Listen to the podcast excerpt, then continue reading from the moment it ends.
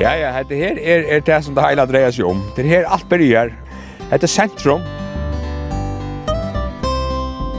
Jeg tog godt å sitte med som eldre sitte her og kunne fylle vi kaffere først og helse på først.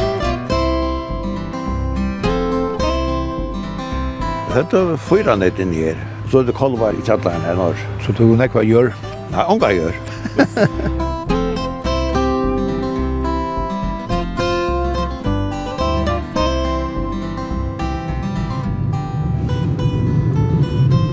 Gåan der, og velkommen vi av Nutsjan Tur, bæge tid herheima, tid av sjånen, og tid ute i heime. Det er alltid hoa litt at høyra fra Lorstaron, ikkje minst fra Tikkon, og er lengt heimane fra. Alt godt er vi framkomne og taknene nu av døvun. Heimeren er blivet nek minni enn av er, og du kan fylgja vi og lusta hver til så erst. Og i det har vi kaos mot uh, Einar Bygd som er gåmål, men uh, Angen var et kosse gåmål. Og her er ein av bøylingenon bygdor fram vi Einar i A, som stått sagt øyter Stor A. Fra miskøys i 1500-tallet og nekka inn i 1800-tallet boe fyrja løgmauer her. Og sånner tan søgnaste løgmannen i boi her, gjørtist feiren at okkara skriftmale V.O. Hammersheim. Det er ui vavun og bøylingren og støy ui Sandavaje. Og just i det, fyrir 200 år sujane, var V.O. Hammersheim fattur her. Men det var ikke så jeg var Hammersheim, vi færa tås om av hesenturen om. Han fær plass ui øron sendingon, er nå kommet til Sandavoks og kører i Vrom Anna. Her eh, først du kommer til gamle Bygdena. Og her er Bøylingeren av Støy.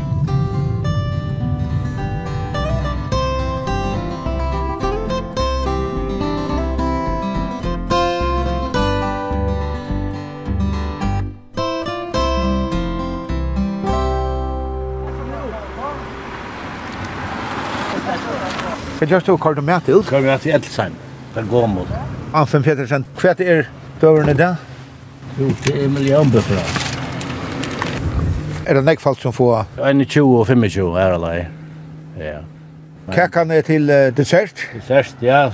Energidrikker fra sommer. jeg så vi. Ja, ja, ja. Borte oppe? Borte her? Ja. Å, ja. Ja, ja. Ja, her er steg. Ja, ja. Best røkta bygg til 2008, best røkta bygg 2003, best røkta bygg 1925, så ja, ja. Jeg og Milla tikk enga høgt opp i Sandavøy at uh, halda bygdina.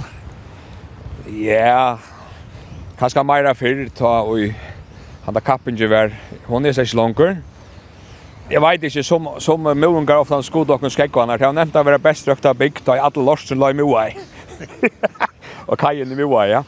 Den har kommit här. Men uh, vi rör in ett förmån, ja. Det var jo Fellax havnale. Det har vi framvis, ja. Vi tar en båt till samtidig, men han var bara mest brukt som sommar. Det är så utkyrst. Men nu kommer vi till, til et sted här. Først at du kommer inn i bygderna, at han har at du har kommet i om brunna här, om Stora. Så är det en krossvever här och Her stender og en støyne null. Det er en halvt kjærlig støyner i Sandavøye, Eion Milla. Ja, ja, det her er, er det som det hele dreier seg om. Det her alt begynner i forrige, eller ikke, kanskje ikke forrige enn Sandavøye. Dette er sentrum. Vi stender steiner som er null stender av. Det heter kattet av nullen om. Det er sentrum i Sandavøye. Og herfra, og for eksempel når det er så står steiner en kilometer i midtelen. Det første stod når det er svarta rødgjør som gråtål Her stod ett da, og av Øyrajek her stod en i en åttatall, ja. Det minnes jeg. Men det er bare hesen som er stendet som er minnesverdig det. Så det er åtta kilometer til? Øyrajek, åtta kilometer fra Sandava, ja. Det er nok stått litt å vise turistene, ikke? Og en kjelte på en tinemeien, så ikke jeg her sender en pyler, trølkon og finkur, 1,90 Så det er 1,90 kilometer igjen. ja, så ja. heimeren Så att kunde santa var vi rocknar ut från nollen. Ja, 100 det er helt sikkert. Jag har alltid vita null noll är. må ha en centrum i när byggt och det är så här.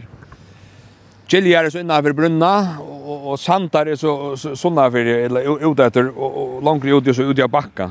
Det, det är faktiskt hövosböjning santa.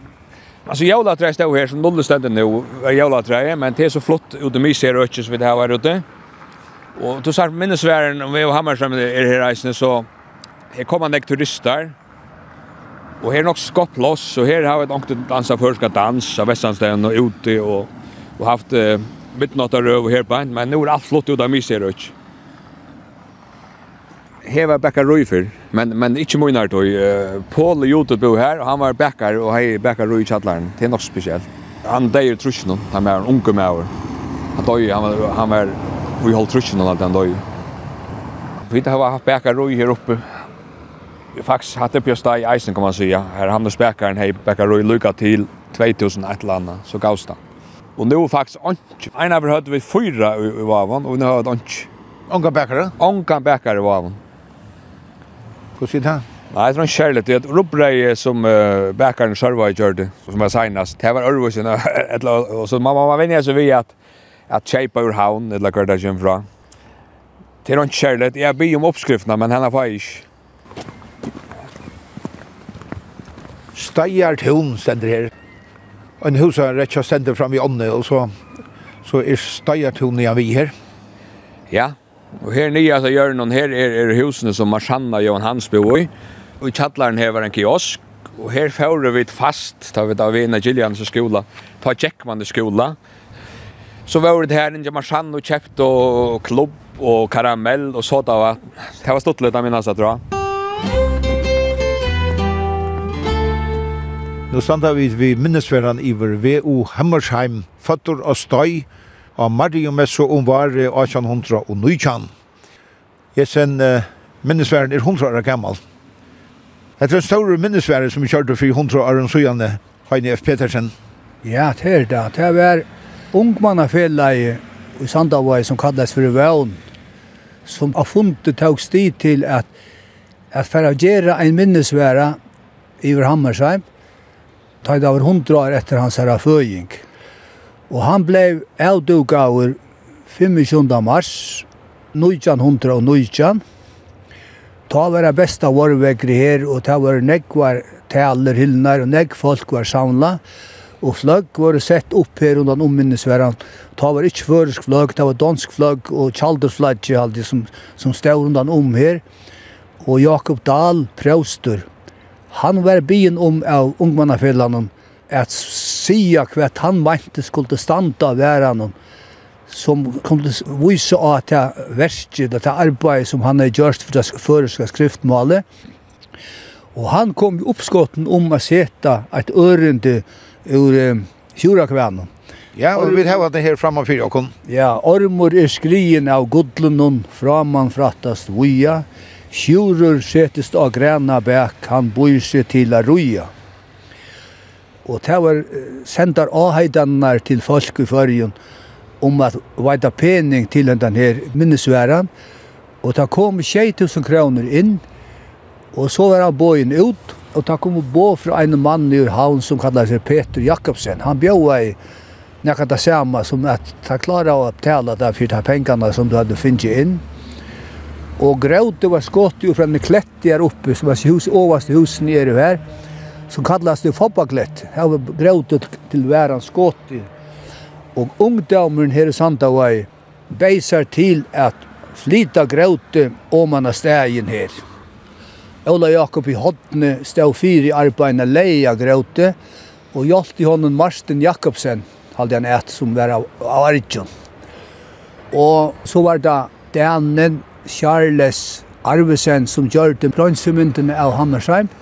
Og han da samme mynden er eisen i landsbøkasavnen og i gipset. At det er en god mynd av honom. Ja, han er en god mynd av honom.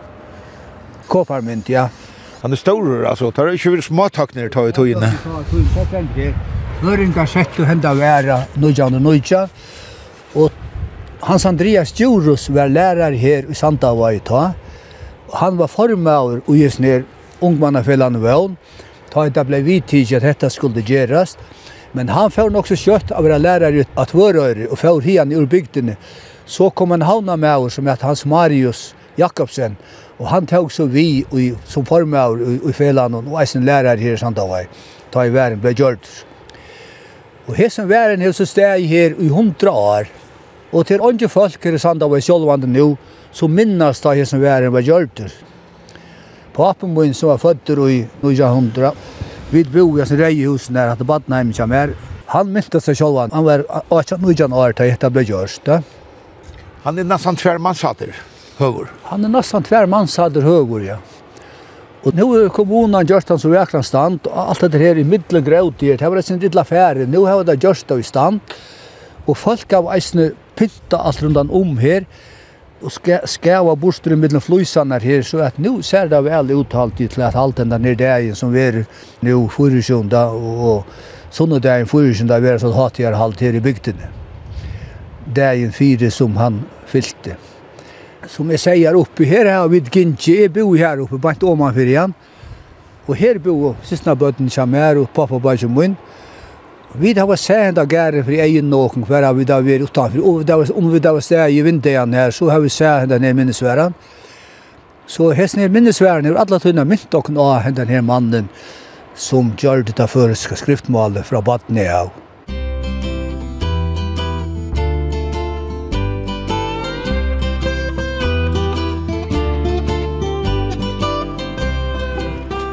Hetta er støyabrekka nummer 9 en eldre hus som uh, er modernisera.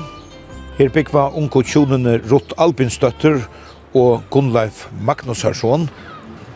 Det særlige vi tog er at kvartje av dem er henne ur Sandavaje. Rutt er ur Muvaje og Gunnleif er tvøra med år. Hei! Øyla fin. Hei! Kjøttjo! Hei! Ja, vi er du.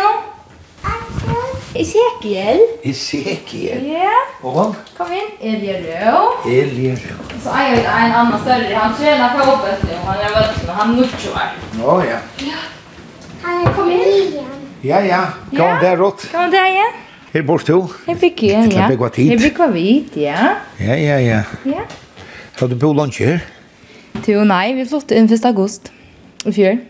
Men vi da bo i Sandava jo i 26 år. Ja, vi kjøpte en gåm og lov til hus, kjørt til stand, men så, nå da bøttene ble flere, så var det her for lite, og så, så stod hette Båg og det var alt vidt.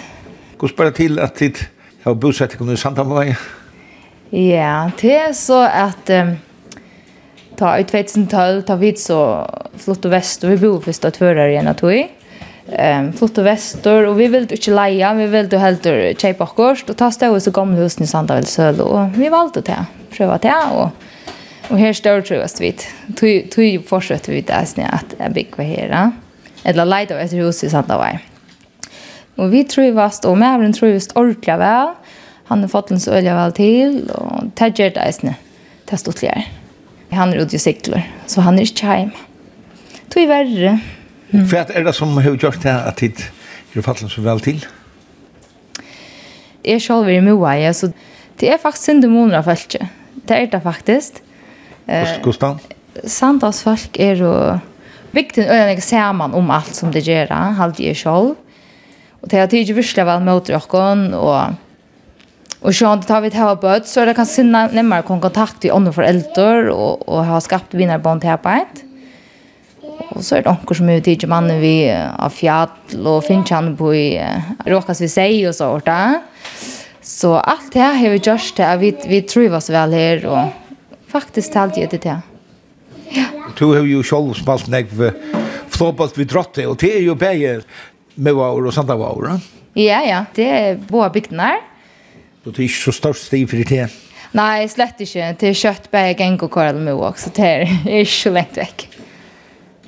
Og jeg bygger her av støy, det er jo en gammal bøylinger, og til suttje om man, ja, til suttje om man, og i løgmannsgæren. Ja, det gjør vi. Du suttje faktisk nok snekkastene, tar man så på loftet, så ser man faktisk i alle bygdene. Og her er virkelig deilig og sentralt. Sånne han renner om av vøtlen, og tar man bare stein i sandavøy, tar alltid man er nok så sandavsliv. det gjør bare så sandavsliv alltid, ja. Yeah. Jag vet inte, ta i den. Men det är virkelig deilig. Vi står tror jag var stortliga. Det gör jag vet.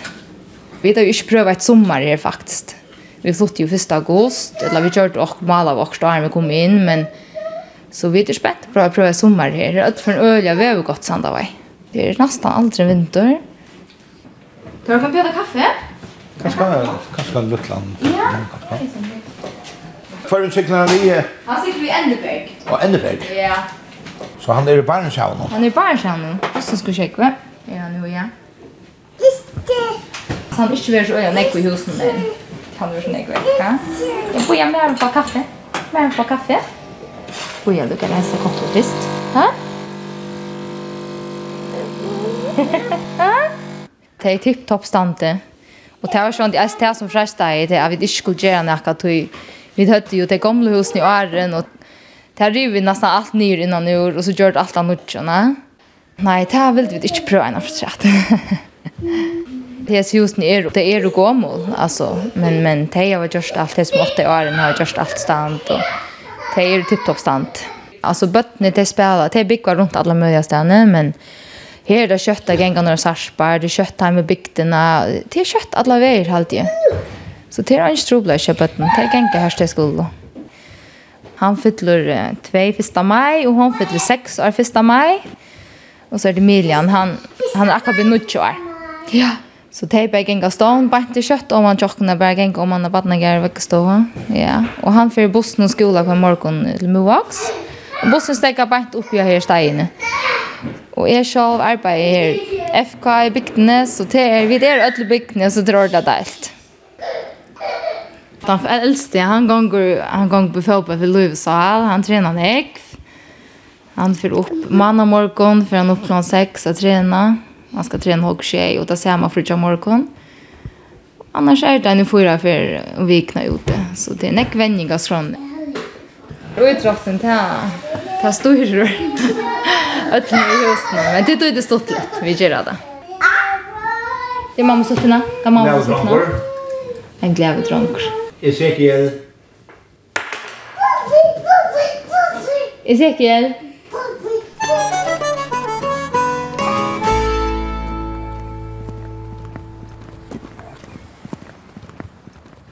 Vi kommer norra etter. Så gjør vi et høner til Torud og Herkar her til Vinstro. Vi har alltid vi høner, alle mine tog. Så tjener oss hodet, så alt det gjør Her er her framvis. Ja. Råkar som vi? Men vi säger och tö och så. Ja, ja. Jag vet inte några samter så. Så det herkar, ja.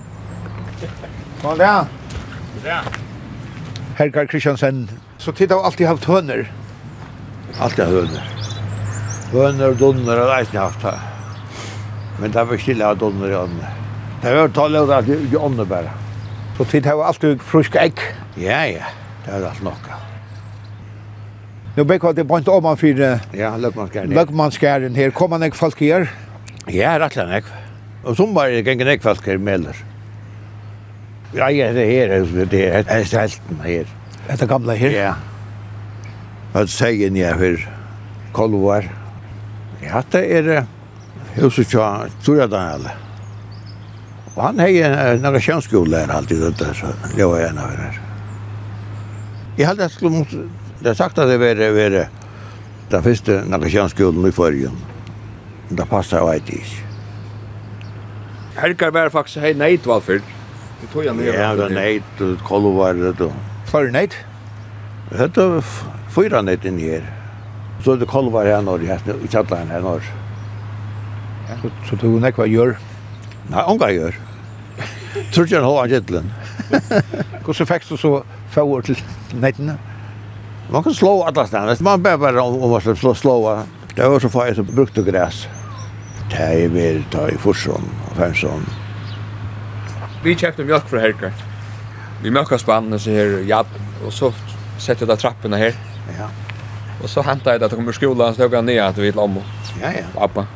Ja flyter samt over øynene våkne i annan, så blir man ikke arbeidsløs. Nei.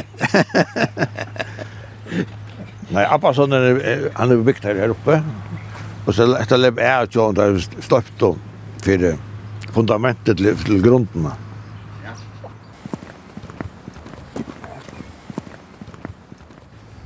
Nu er vi så om for husene tja, så er det Daniel, som tid sier her i Sandabaje, er jo mild og Det er en helt særlig søva om Sore Daniel.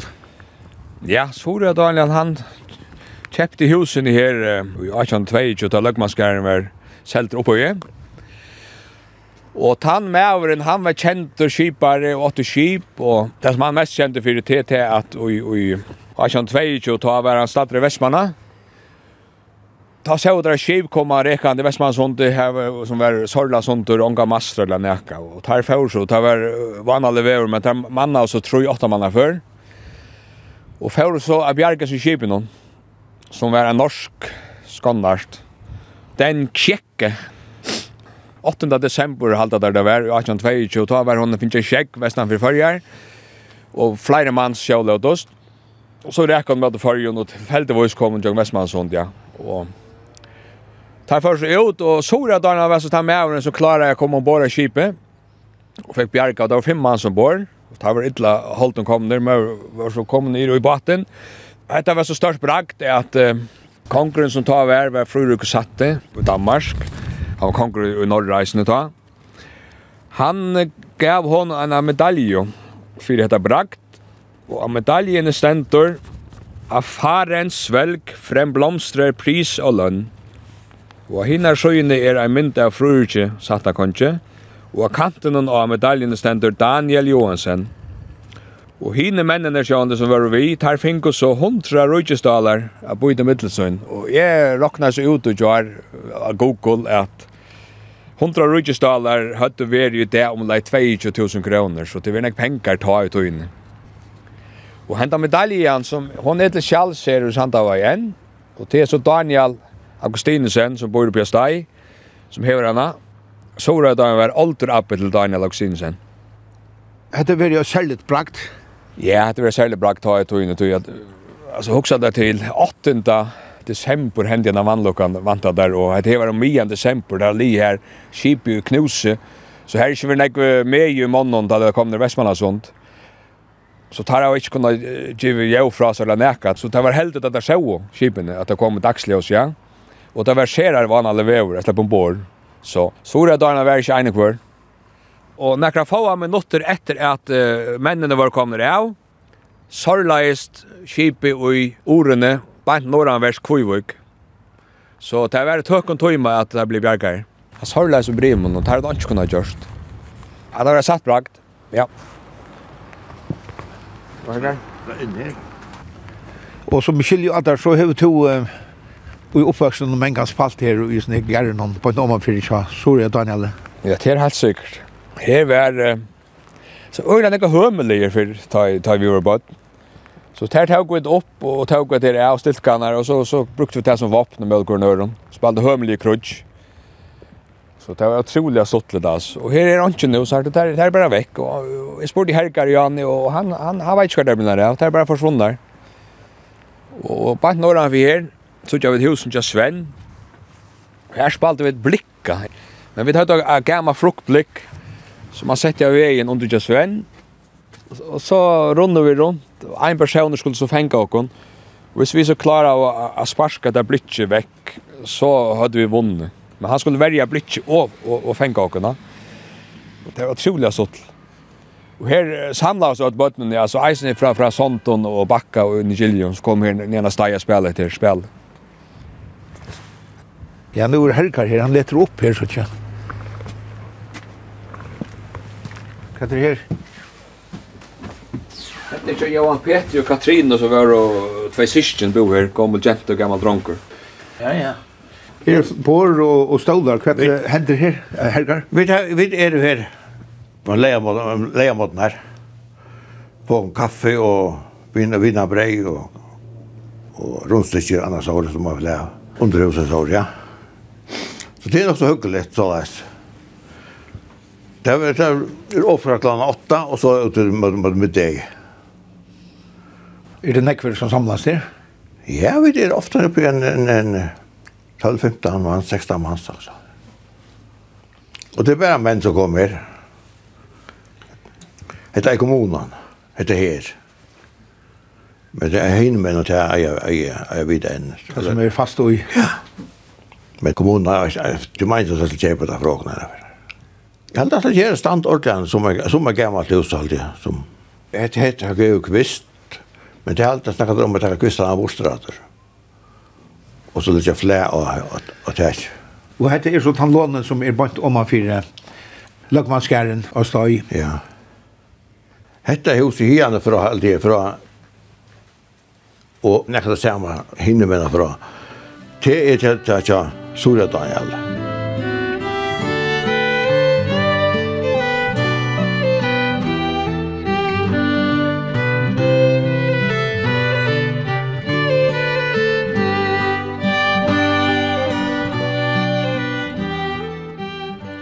Hette er hinemein med annan, ivri ui bøylingen og ui kyljon, fyrst her du kommer til Sandavoks, og her bor Sonja Thomasen, Onkur har sagt fyrir meg at av støy i Sandavai her var det reik brekta bont og reik knappehål i samband vi føreskleier. Det er et kjær jeg kjenner for uh, bøylingen av støy. Hallo, Gavar. Hei, hei. Altså, hva vil du gjøre? Jeg vil alt godt. Jeg vil håpe at du forstår ikke. Nei, jeg forstår ikke. Hva an det? Hva var det? Jo, Jeg sier for meg at av støy her var det til særlig ut i første bunnen at det er rett brekta band og rei knappehull. Og bruk kommer den her rett knappehold. Og hinner badjaner høtt og rett band. Det er for å skiljas fra hinner og. Så det er noe særlig for bøylingen av støy? Det kom i 1900 og 18 ta og et bær ble vukt. Og i Sandhavskirkjø. Hon hei, så broderer hon, rei knappål, og så rett band oi, og badjan ikke hon, heit, det reia band. Og så gjerne blei det faste sier? Ja. Det blei det. Det er jo avhåverst. Ja, alt det søvlige er avhåverst. Kom for ta kaffe. Ja, takk, takk, takk. Ja, du må... Såret som bor ikke fra er alltid avhåverst. Ja. Jo, men nå får jeg fortelle for deg. Jeg har en mann som var 22 år da han ble sjukker, han var lærere, og han var bare 22 år, så skulle han gjøre okkurs, og han var så avhåver utenfor skulle klæve noen, så han fikk en bindemaskin, og han satt og bant og seg meg sammen, og så virka jeg vågjere ved å gjøre kleine Leo. Og han er ikke til morgen? Han får for tveimann og en halv år, så gjerne ta var han eisen 4,5 år. Så det var nekk var han satt og gjørte klær, og i 23 samfunn år. Og han var øyelig akkurat og Gustav skulle være. Begge sutten av vesten og sutten av trøtjene. Alt skulle de hava sutt mat. Det var ikke vi centimetermål. Den siste vestaknappen skulle komme om nalva leiene. Trøttjen hun skulle komme om hele beinet og sånne mat. Og hatt det her vi er sånn reia liten noen, og i brektaband noen, og i knappehold noen. Det ble også helt det. Til dels ble vi det helt enn, og nå kallar vi det bare for Sandavsbandet. Tar unge drønnsjene da man vel har fått et reia band i ui, og det er på den måten at det er så ikke tror her det mer, så kan det alltid skiftes ut vi et mist band. Nu er det til at att jag rejer bandet så såg jag att jag att jag smärren. Han er akkurat vi sant av å gjøre. Men det stävar av støyene? Ja, det gjør det. Her er min, det är rätt. Ja, ja, snurrigt. Hva er det som er rett siden? Det her. Å oh, ja. Her sørste det. Kanteren her? Ja. Det er dette her bandet som gonger atlan veien opp vid Trøtjen Og atrom holsen og nyr atter her. Kanteren atlan veien opp vid jo. Ja. Det er altså trötchen vi tar så. Stadväck trøtjen, ja. Fyrr var håsnar kongablåar, og nu vil jeg det här håsnar lukka varnar som trötchen. Ettla myrska morrejar, håsar. Så bonen kommer alla til å brøytast av av Men det sista som jeg hørte, det er at jeg kan gå iver atter til han reja konfolkabonan. At det har damer dem bäst alt. allt.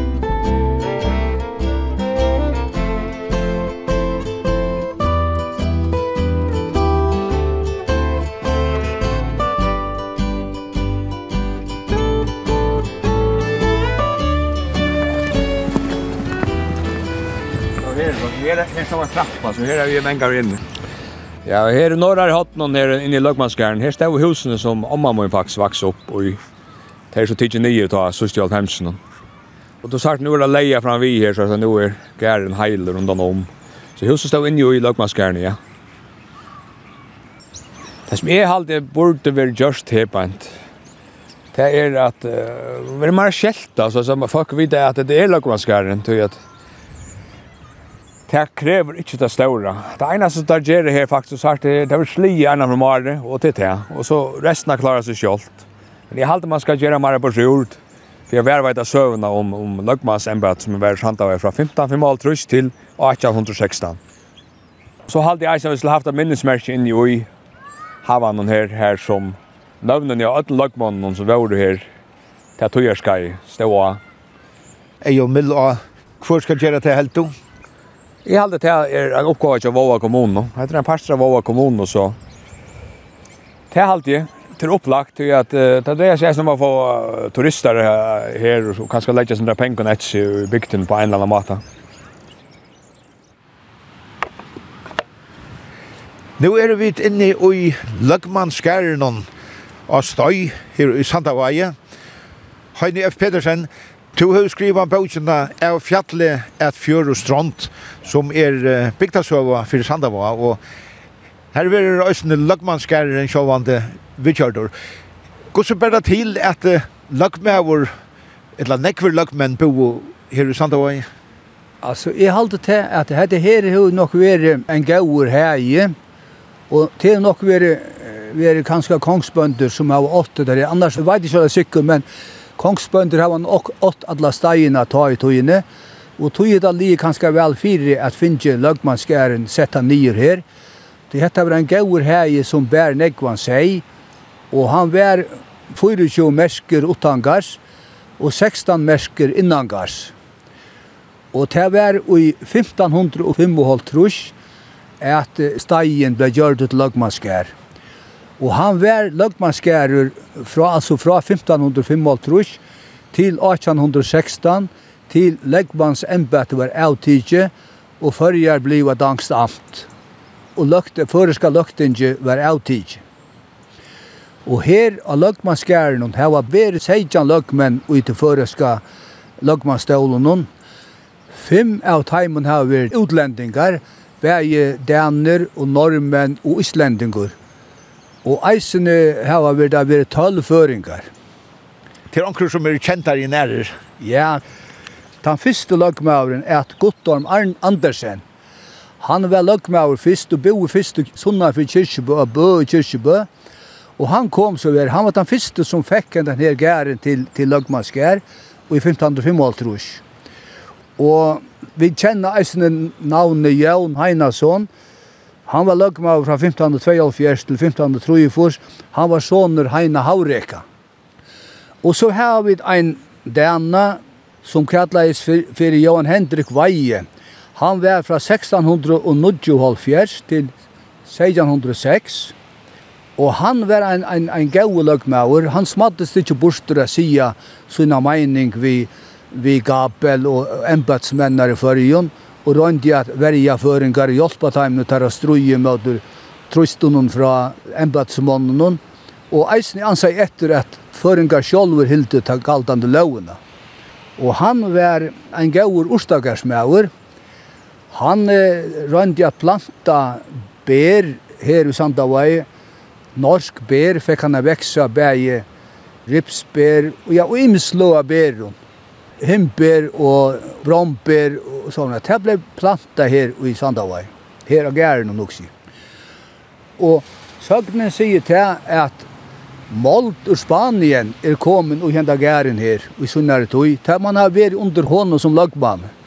Det han var slekta ur sunnan av landet, og det var sagt at han fikk moldene ur Spanien. Det må ha vært han som har vært lagmann ur ta. Det sier søgnen han var eisen egentlig avhåar i kyrkjen i Sandavai, som var her nere, som kyrkjen er nå.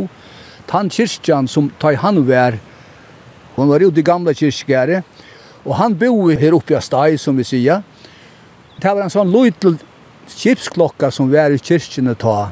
Hon hørtes ikke så vel nyan steg, han var så løytel, og selv at jeg høy at hun la henta veien, så hørte han ikke vel kyrkjklokkene, og så kjøpte han kyrkjen i en større klokko i 1691. Og hon har ringt i seks kyrkjen og Sandavai til gudstjenest og alt det som har haft i kyrkjen å gjøre. Og eisen i hesar kyrkjen som nå er ringte hon lykka til 1932. Fra 1691 og til 1932 ringte han klokkan. Jeg pleier ofte å si at det er til løgmannsklokkan. Og så tek vi den seneste løgmannen. Han kallades for Jørgen Frams Hammersheim. Han var løgmann fra 1806 til 1816. Han var løgmaver her i 20 år, og han er færen etter kjenda mannen om Wenzel Ulrik Hammersheim. Og hessen løgmaveren, han giftes ved en kone som heter Armgar Maria Ekholm. De giftes i havn, og de fikk jo tvei bøb, Loviso Mario Hammersheim, som var født i 1815. Og så Wenzel Uller Kammersheim, som var fødder 25. mars av Mariemesse i 1819. Så nu er det 200 år så Janne han var fødder. Ja, og det var ikke at det mest nek for tikkene her i Sandavai, altså. Det var just her vøggan ståa, tja okkara malfeire. Ja, her stå vøggan til honom, her er han vøggan ståa her alai. Og nu er bægi her og innan nese, hilden hater halt om enda mannen som var født for 200 år så igjen. At løgmennene var sant av att de har haft som tøytning. Kjalt om som løgmenn struttas det sinte vi bönderna nere i Sontum. Det var ikke alltid så vel vi tar. Men hos ner Jørgen Frans Hammersheim, han var vel vi bönderna i sånt. Han var omkring till vi santa menn, som vi sier. Men hvem er för det tycker hon här i Sandamän var ju at uh, vad kan jag okkara malfægir vi och Hammersheim stå just her. Vi har alltid haft den der minnesværen standande her for egen och någon. En stor steiner her uppe i steg. Vi har gynnt fram vid han og spalt runt han om han og hukt och har myntene og lyset til som ständer honom. Till han steg her nu i hundra år. Jag var kanske väldigt sin stolt av at Hammersheim fægirna til førskriftmalen har varit fötter her og vaggan tjån stå her Ja, nu standa vi inne i Løkmanskæren, og her er så ikke huset der. Selv om det ikke er, så er gæren her, og han hever uh, større antydning for uh, ja, søvna. Ja, han er en, en søvlig gærer, jeg at det var hakste embete i forrige, det var Løkmannsembete, og det er nok større antydning av videre, at det er søvlig sted her, er, at Seidjan Løkmann har vært her, og her som her, og der fører jo til havnar av ting vi baten herfra, og Og det ble gynnsi etter disse gøtene her som kallast, og man etter gærer fram vid ånden i allan veien, og man vid kyrkjene og fram vid santen. Og så ut i fjørene her som det råpa, ut i høltje. Her fører løgmauren ombord og i båten av fer til havnar, et eller annet velpastær til havnar av ting. Jeg kunne kanskje vært sagt at sin ankren oppslag nok såret at løgmannskæren er her og hava løgmann bo her og sånn, finner det tog, ja. Løgmans ebbete som vi sier, ble nylagt papus til Hammersheim. Han døg i 1820. Ta var Hammersheim, Vensel Ulrik, bare ett år. Men mamman fikk lov å bygge her i tvei år og tre, inntil stegen var selv. Ta var Hammersheim tro år. Og ta flottet de ur Sandavaje og så til Havnar av bygge. Og Hammersheim sier til at han var bare tro år, godt og vel tro år, kanskje holdt fjorda. Han minnest, forteller han i en som eitur et trekk fra min livsløp, forteller han om at, at han minnest ta et teg fra løgmannsgæren og gink om han etter gøtten her om han etter gære som vi kallar, og at sant av oss folk kom og sødde dem farvel, og de var så vel og gav vi, vi Lagmannsfolkene, og løgmannsfolkene var gau vi teg, og de sødde dem farvel, vi tar av kinn, ta det fjord til båts ut i Høltje.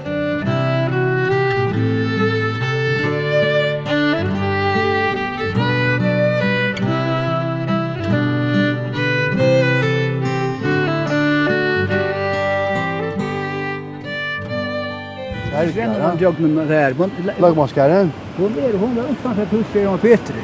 Og her var det. Nei, hon var nå midten i sitt sattland og hjemme. Ja, ja, det halter, alltså det är ju så bridge rain det. Ja, jeg halter at bridge rain, ja. Ser han? Ja, her blir grivi ut her. Bant vi Anna Peter Elias Pedersen. hva händer her? Nej, nej, jag får göra ett gammalt uthus till ett ett litet sommarhus. Er det en gammal tremor? Tremor vet inte. Jo, jo, man flyttar av bygden som onkor och allt hugg som man finns i sommarhus bygden i attor. Nu tar föräldrarna i färden och huset själv. Badnheim, så också jag att jag lite sommarhus här. Det tar vi det gångt vi. Lengt oppe må en bygd i et huset. Og hette var sånn gammel smia som vi kallar det en gamla smian. Batasmia. En gammel batasmia, det var forfedra som er bygd batar. Så nu skulle vi gjøre det løyte sommarhus. Og bygd i akkurat samme støyl og, og fasong som det var. Og tog standa en um, enda veggen etter som lenge oppe må en leie og middelen av 18-19 til årsskiftet her. Bant vi ståra, Bant vi ståra og bant nú for løgmannskjæren, den søvelig steisne. Hever godt vant. Det vera en, en 32 kvadratmeter innvendt og i tvei man hatt, så det er ikke galt. Når vi klart at takk det i bruk. Vi vet atle at få et innelukka i sommer, så klart det gjør inne i vetren. Gå nær på så. Takk for det.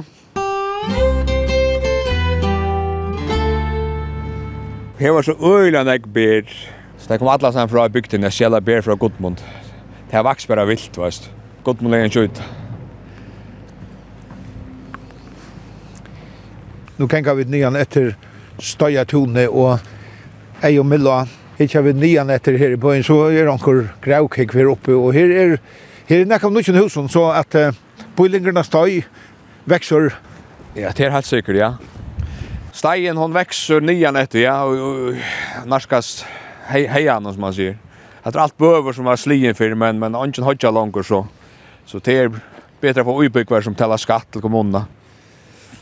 Och då är det nog stora vankon till hon är åtta niva ofta stora. Ja, det är helt säkert. Det är över här tar er allt så steinar som är här under. Ta ojse var i ånden som ofta när vär så från fossil som är i Norge, stod det sparskare alla vägen om man i Åsa du kan sånn som det er, at de spør til når vi har så stor stein, men her kommer du til at det er overfør, ja.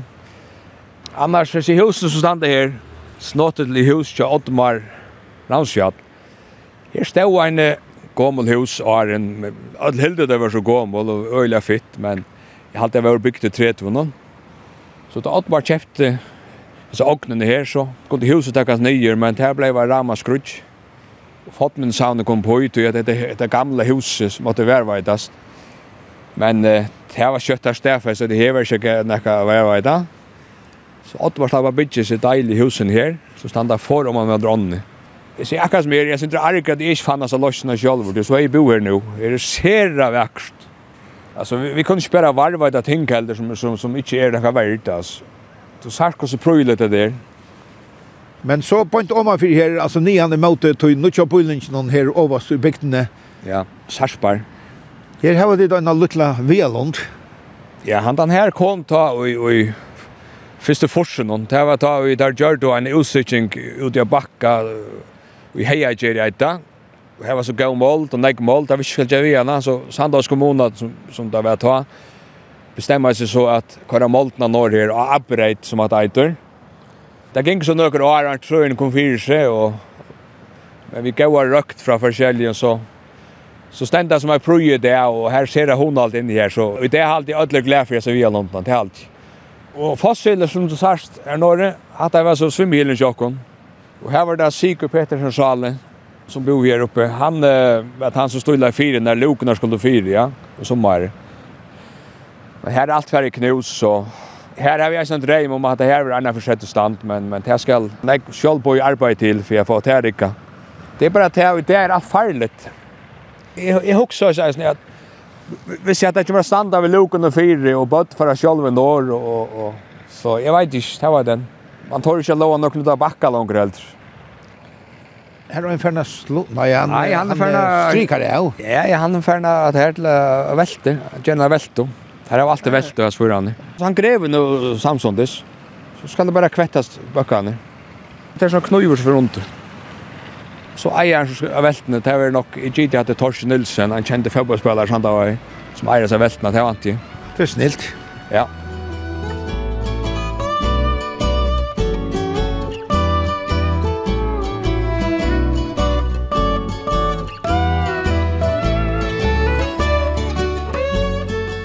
Her byggva Tjon Birita Petersen og John Herre Morrison. Og trutje dronjer, trutje siner. Og vi er jo av sjolvun nullenon her i Sandavai. Og Birita, hette er tutt Badnaheim. Ja, det er mot Badnaheim som vi tar utvitsk. Mamma døye i januar, og så overtok vi det i april. Sørste år, ja. Så har vi vært gongt og fornyttet det i sentrum. John Henry, hvordan omfattende får du til verska? Vi skratt og alt i år, og så her er faktisk bare størreviren og gulven i etter. Så vi har ombyggt alt det hele. Men alt er kjørlig livet enn, men alt er ikke tog. Og hon er tålen så til Innanfor en og tvei år, så var det nok alt livet. Birda, hvordan er det så å komme om man at det er nulle, og så kjører vi bilene her, vi så ikke at det dreie inn til Sandavåg, og kunne fylgja dem og tala korri henda vi inn iver om brunna og ja, og sånn det færre inn i bygdena, som man sier. Det er ordentlig deilig at jeg var kommet atter her. Jeg tog ikke tanken om at noen annar skulle være hvis det var urfamilien i huset. Her er man nekke og minner. Man ser lov, man ser folk og bilar og det som rör sig utanför her, og man har vøtlen og kyrkjena, så det er uh, deilig. Dette her er et, uh, et sted som uh, jeg husker at de eldre undan okkon som jeg var sitt til, eller mamma og pappa som bor her, da de ble eldre og ikke ganske klare så vel ut og genka, og at de allikevel kunne fylle vi, bygde løv noen og følge noen, og få en av helsen oppe i vinduet, og på den måten føler at man blir er en pastor av bygden eller samfunnet og, og mest av lov på den måten.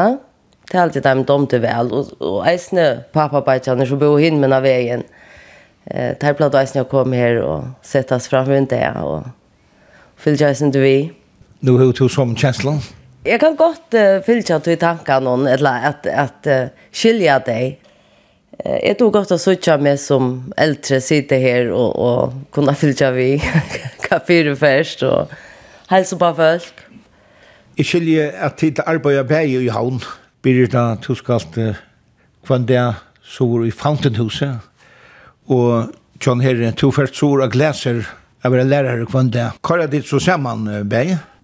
Ja, vi kører sammen kvann det. Det er liksom vel fire at uh, Vi börjar nøklunda samstundes og til en halv utom jeg mån i månaden sedan parten.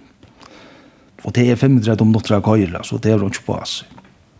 Hvor køyre? Ja, det er jeg som køyre, Det er. Jeg vet ikke om hun er tøyma hvis, hvis hun skulle kort i Olof. Det vet jeg ikke. Det tror jeg ikke. Hva gjør hun så?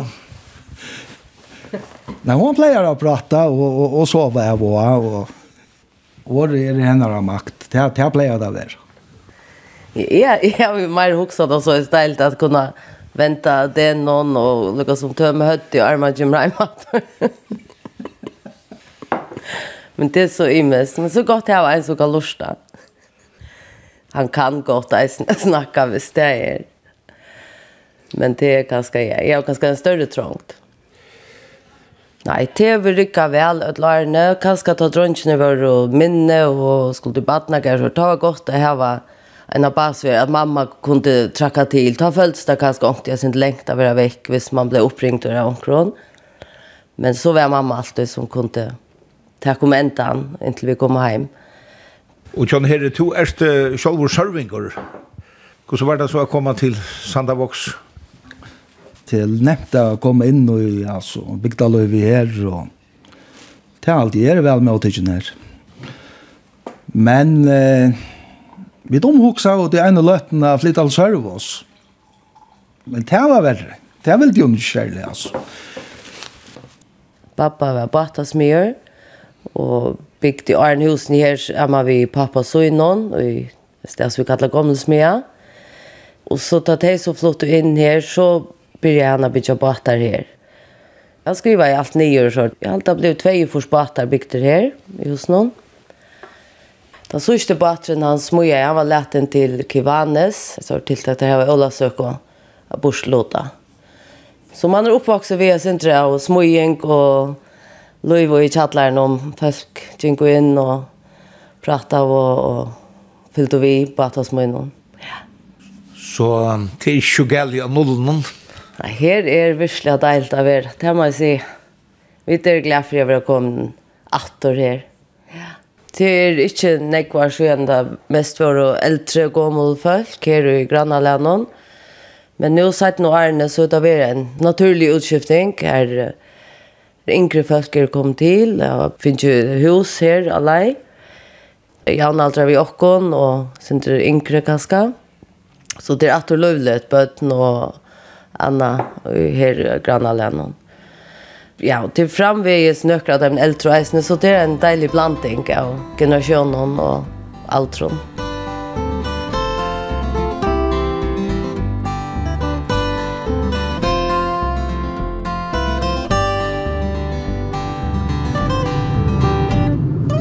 Det var avhåvert at vi kjøp på i av støy i Sandavaje, her ved O Hammersheim, skriftfægir okkara, så at dagsins ljós fyrst og fyr fyrir just 200 árum sujane. Turen er atter at høyra i utvartnum torsdag klokkan 11 og leierdag klokkan 4. Og du kan søysne ferdig nå heimasugene til kringkvartnum, skriva kvf.fo framskak tt. Og det ber til at høyra turen som podcast og vi tar i at Tori hever òsne en av atsujo av Facebook. Takk for i dag, og av viko høyrast vid atter.